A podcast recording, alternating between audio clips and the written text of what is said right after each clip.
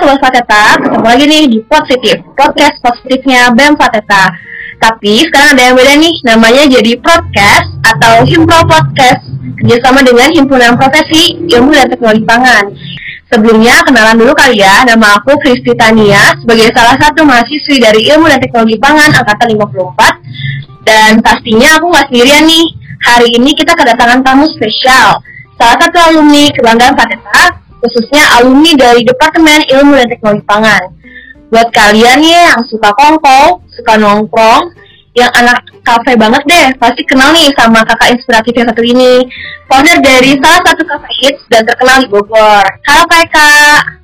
Halo, apa kabar? Oke, baik juga Kak. Nah boleh dong Kak, silahkan uh, background check dulu nih, mau kenalan dulu nih sama Kak Eka. Uh, halo uh, Sobat Poteta ya, uh, jadi perkenalkan uh, saya Eka, pembaca pemberita nama panjangnya dari TV 48. Uh, jadi emang uh, sekarang punya kerjaan ya, jadi uh, jadi founder di Kopi udah 4 tahun terakhir dan emang ya cukup lah uh, berkembang dan banyak hal yang mungkin hari ini mau dibahas ya yang mau kita share. Evolusi banyak bisa ngasih insight juga buat uh, teman-teman buat adik-adik juga uh, tentang bagaimana sih berbisnis gitu kayak gitu terutama di food industry atau bisnis lainnya.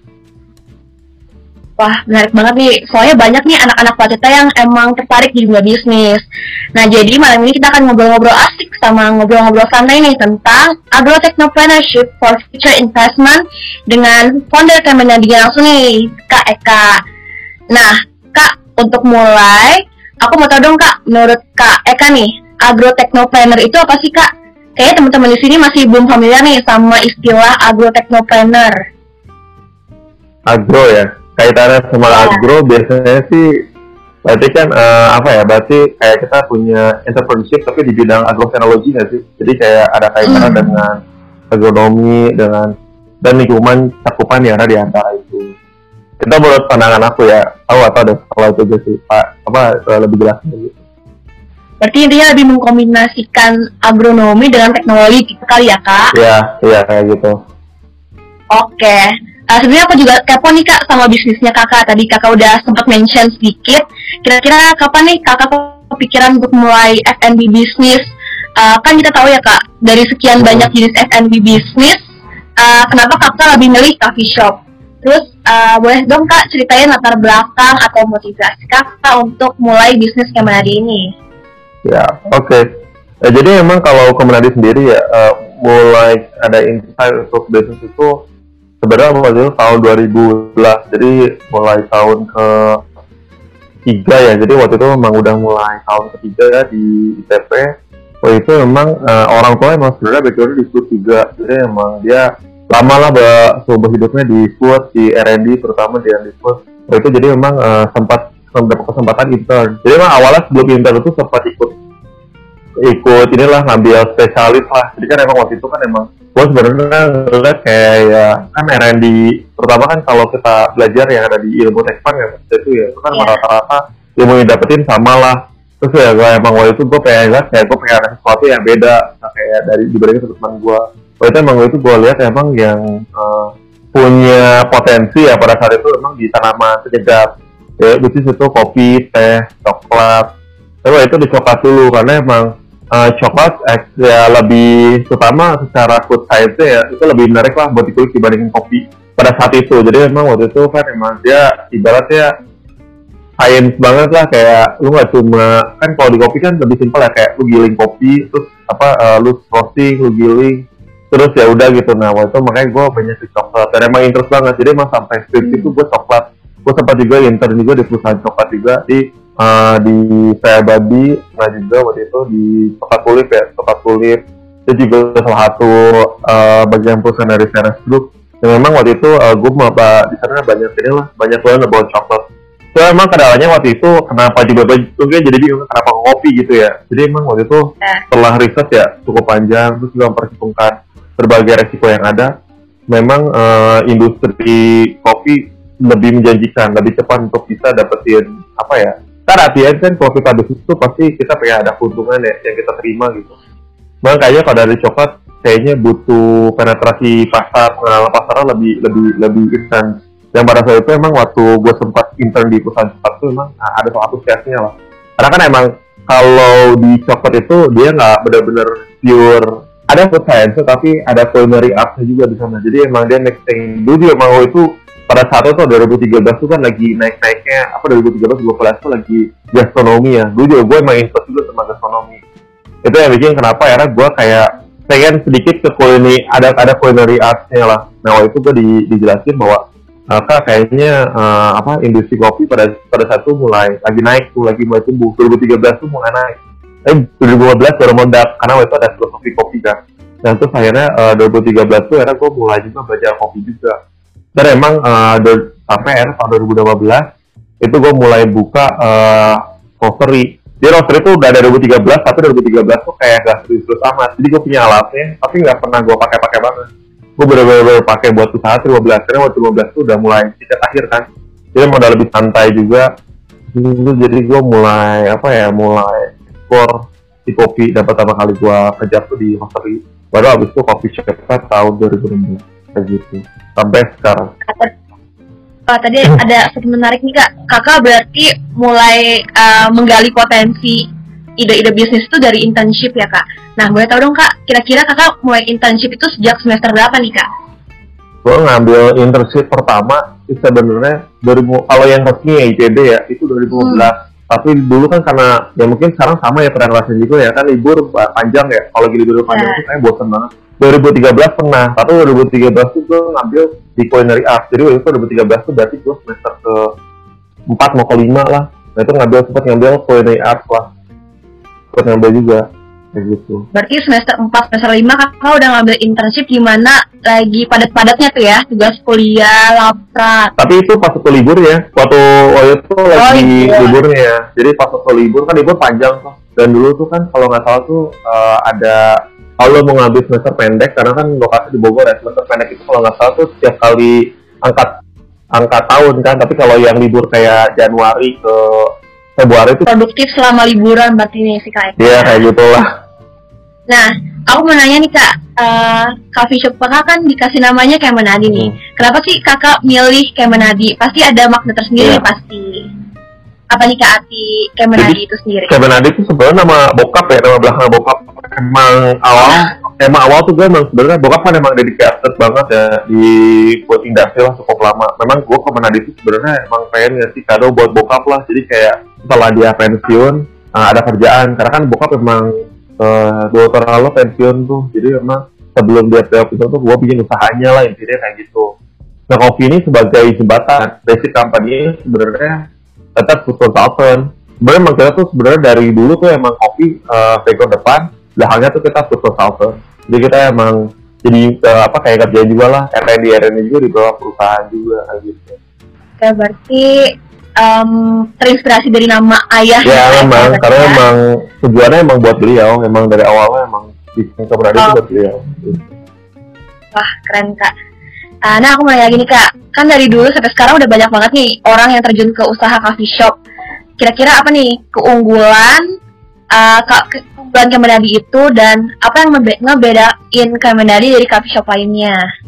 Nah, uh, kita dari bahas dari ini ya, sebenarnya ya unggulan kita kan sebenarnya sebagai food scientist ya, kita ya food technology, food scientist, kita punya background, ilmu background lah, artis buat basicnya buat basicnya. Karena kan emang pada dasarnya tuh ilmu kopi walaupun artisan tapi sebenarnya ada beberapa pakam yang masih bener-bener bisa kita pelajarin lah. Kayak misalnya dari roasting terus dari brewing terus dari kita uh, pemilihan bean kita bisa tahu kita bisa lihat juga kita bisa tahu lah kayak kandungan yang ada di beansnya jadi hal itu sebenarnya yang jadi pendekatan di gua sih. Emang kalau ke Menadi uh, kenapa sampai sekarang kita bisa bertahan ya? Sampai 2000 uh, apa udah empat tahun kita bisa bertahan. Kita memang uh, kita fokus di beberapa sektor yang kita kuasain. Contoh uh, kita kan emang uh, punya apa ya kita kuat di bidang jadi bokap tuh emang kuat di fermentasi jadi kita juga banyak di sana. Jadi kita kayak uh, sekarang bikin palat-palat juga untuk fermentation uh, coffee kita di sana juga. Kalau emang juga ada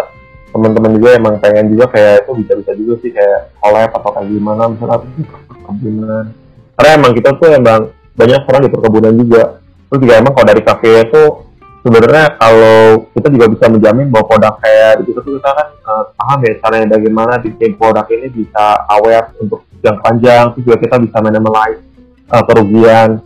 Itu itu hal-hal itu yang dilakukan karena artian tuh eh, di semua bisnis ya mau mau itu coffee shop mau usaha apa pun basically biasanya tuh problem paling besar itu di cash flow. Dan emang itu yang sebenarnya perlu teman-teman pelajaran lebih dalam sih. Banyak sebenarnya bisnis juga sekarang yang memang uh, tumbuhnya cepat tapi cash flow-nya berantakan juga ada gitu. Jadi kayak emang lo ngimbangin lah antara cash flow dan memang one of the point itu nah um, tadi menarik banget nih kak. Tadi kakak bilang lebih ke arah cash flow. Terus juga tadi kakak bilang product development ya tentang mm -hmm. uh, research and development Nah, tapi kan dalam bangun bisnis itu sendiri banyak banget banyak banget hal yang harus dipersiapin. Yang tadi kakak bilang, cash flow atau modal budget, terus hmm. produksi, logistik, product development, marketing dan lain. Nah, sedangkan uh, pengalaman saya nih ya kak, selama belajar di ITP, semua hal itu nggak bisa saya uh, dapetin ke di bangku kuliah. Ya paling product development atau produksi.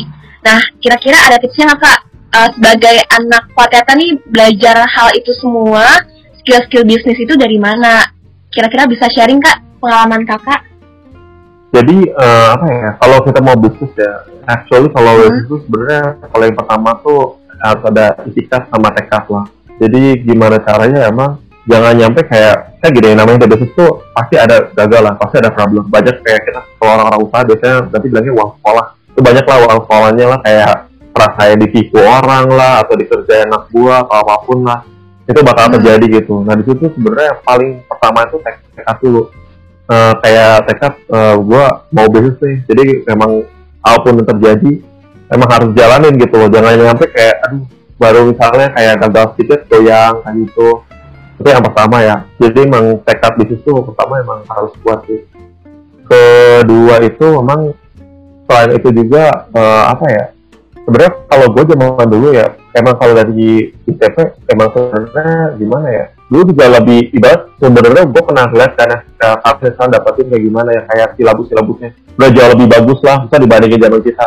Tapi mayoritas itu gue emang banyak kalau gue sih karena dulu banyak tahu lama orang-orang di luar jadi kayak gue banyak dapat dapat dari sana gitu. Memang kalau dari ITP sendiri gue cuma ngambilin dasar-dasarnya aja tapi kalau emang kayak kayak kenapa gue bisa kayak gue ngerjain bisnis itu kebanyakan mostly ya gue learn dari dari luar juga. Jadi emang jangan cuma di kampus lah jadi kayak coba juga untuk ekspor di luar. Nah uh, mau nanya nih kak. Kan tadi kalau bilang belajar di luar. Nah belajar di luar itu uh, dalam hal apa nih? Apakah organisasi ataukah volunteer atau magang atau ada hal lain kak?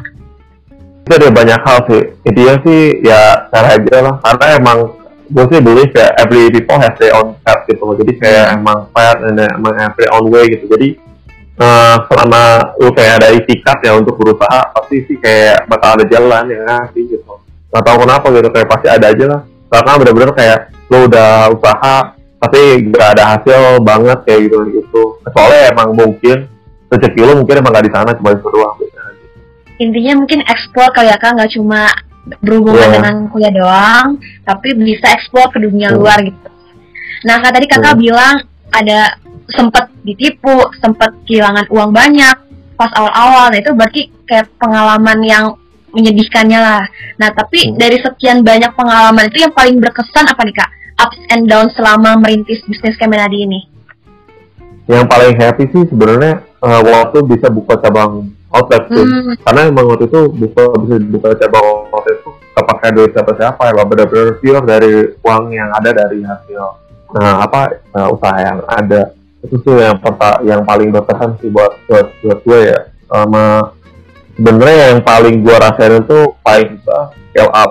Jadi waktu awal kan bisnis kan atau outlet ya. Kalau outlet tuh simpel hmm. banget lah kayak keuangan masih gampang segala macam tapi emang tuh banyak pelajaran itu setelah buka banyak outlet itu tuh kayak mulai tuh kayak mulai ada masalah dari mulai human resource-nya terus juga bahan baku kan makin banyak kan kita beli kan itu gimana maintaining uh, ada fraud terus juga kayak gimana caranya uh, semuanya batangnya tetap ada gitu sesuai dengan apa yang kita jual gitu. Jadi emang ya itu sih yang emang ini tapi emang yang benar-benar berkesan sih ya itu dari cuma satu itu kan cepat ya karena emang cuma butuh waktu. Pada saat itu emang beruntung lah. Kondisinya waktu saat itu memang bisnisnya lagi baru naik jadi emang terasa banget. Jadi setiap tahun tuh naik karena cukup signifikan. Omsetnya tuh lumayan naik banyak oh ya tadi kakak bilang udah uh, membuka banyak outlet nih. Kalau boleh tahu ada berapa outlet nih kak sejauh ini Kemenadi kita tuh ada lima saat ini. Jadi oh. yang pertama tuh kan di pengadilan terus kedua di hmm. Mall Botani. Ke semua bawa botani kan karena fokus jadi kita tutup dulu lah. Kita nggak main mall dulu tapi kita ganti sama Bogor baru. Ada yang baru sekarang. Mas masuk office kita di sana. Terus kita ada di Dramaga di Dramaga ada dua satu di kampus yang botani kopi Nusantara satu lagi yang di luar kampus tuh yang kamu nanti uh, apa Caringin. Sama saya di Sunter tapi Sunter juga dan enam sekarang sudah sih. Sunter cuma Sunter lagi. Sama juga lagi mau tidak lokasi juga karena kan emang uh, covid ini perkantoran di Jakarta agak berkurang ya. Jadi kita lagi nyari traffic baru di mana. Gua belum tahu. Wow keren banget nih. Udah langsung lima outlet dalam waktu empat tahun yeah, ya kata oh. dia uh, kak berhubung sekarang lagi pandemik nih kan gimana semua bisnis itu pasti terkena dampak sama corona dan uh, untuk Kemenadi sendiri nih nggak cuma satu tapi lima uh, bagaimana nih untuk mempertahankan atau uh, menjalankan bisnis selama masa pandemi ini? Apakah ada strategi khusus kah atau ada perubahan yang signifikan yang kakak terapkan? Kita sih mainnya kayak flow, makanya kenapa tadi kita kan ada sebenarnya kita apa kayak kita kayak juga untuk nggak buka dulu juga jadi jadi emang kita minimalisir pengeluaran karena kan emang yang berat itu di bisnis tuh pengeluaran aja biasanya kayak gitu. Oke, berarti lebih menekan budget kali ya kak. Mm -hmm uh, lalu kak mungkin balik lagi kali ya ke topik kita agro technopreneur for future investment. Nah, menurut kakak, kenapa sih agro technopreneur ini merupakan peluang bisnis yang menjanjikan untuk masa depan, khususnya buat anak-anak Pateta nih kak? Memang people need it lah, jadi memang kebutuhan pangan masih ada. Jadi selama kebutuhan makanan masih itu. Berarti emang prospeknya itu luas banget ya apalagi ini berhubungan dengan makanan di mana semua orang juga butuh makanan gitu dan akan ada banyak inovasi-inovasi yang baru yang akan ditumbuhkan nih dari uh, anak-anak Pateta. Hmm. Nah, uh, terima kasih banyak nih kak buat penjelasannya. Uh, tapi nggak kerasa nih kak kita udah di penghujung podcast malam ini dan mungkin sebagai closing statement dari Kak Eka, boleh dong Kak kira-kira ada wejangan-wejangan atau tips dan trik kah untuk kita nih teman-teman Fateta yang tertarik uh, mulai untuk terjun ke dunia bisnis atau mungkin mau buka usaha nih kayak Kak Eka. Kira-kira apa aja sih skill-skill yang harus dipelajarin buat kita buat mahasiswa Fateta khususnya di uh, saat saat duduk di, di bangku kuliah Kak? Pertama sih tekad ya, yang pasti ya tekad harus ada. Terus kedua juga memang harus yang harus pintar baca peluang sama siapin modal modal tuh bisa banyak lah bisa sekarang dari family bisa juga lewat kan sekarang banyak tuh kayak apa ya peer to peer lending ataupun hmm. ada bantuan juga kayak misalnya uh, ikutan ada pelatihan apalah ya bisa ngasih eh, dia, dia misalnya kayak buka pelatihan kan harus pada kayak competition nah competition tuh misalnya kayak ngasih modal bisnis itu bisa dipakai juga. Nah itu yang itu sama terakhir sih produknya. Make sure produknya itu emang bisa orang beli dan orang mau beli gitu. Jadi emang akhirnya apa ya akhirnya memang kita bisa berjalan asli sustain lah selama satu sampai dua tahun atau sampai seterusnya. Sama terakhir sih harus punya gojangan sama gojala pandang. Sebenarnya juga tadi tuh gue lupa jelasin kayak salah satu one yeah. point yang emang uh, bikin kenapa kita tuh bisa cepat ya dan emang kita tuh kayak terarah gitu. Karena emang kita udah hmm. buat goal jangka pendeknya apa goal jangka panjangnya apa. Jadi emang hal-hal itu perlu diperhatiin lah. Sama tanya sama tanya kelas. Karena kan emang sebenarnya di ITP banyak ya. Juga ada hal juga. Jadi kalau misalnya emang butuh saran atau apa pun ya bisa nanya ke kelas lah kayak gitu begitu. Oke mungkin berarti teman-teman Fateta di sini bisa nanya langsung kayak ya kak sama kakak Boleh. Eka nih sebagai alumni Fateta. Nah oh, mungkin aku mau nanya satu kayak lagi kali ya kak.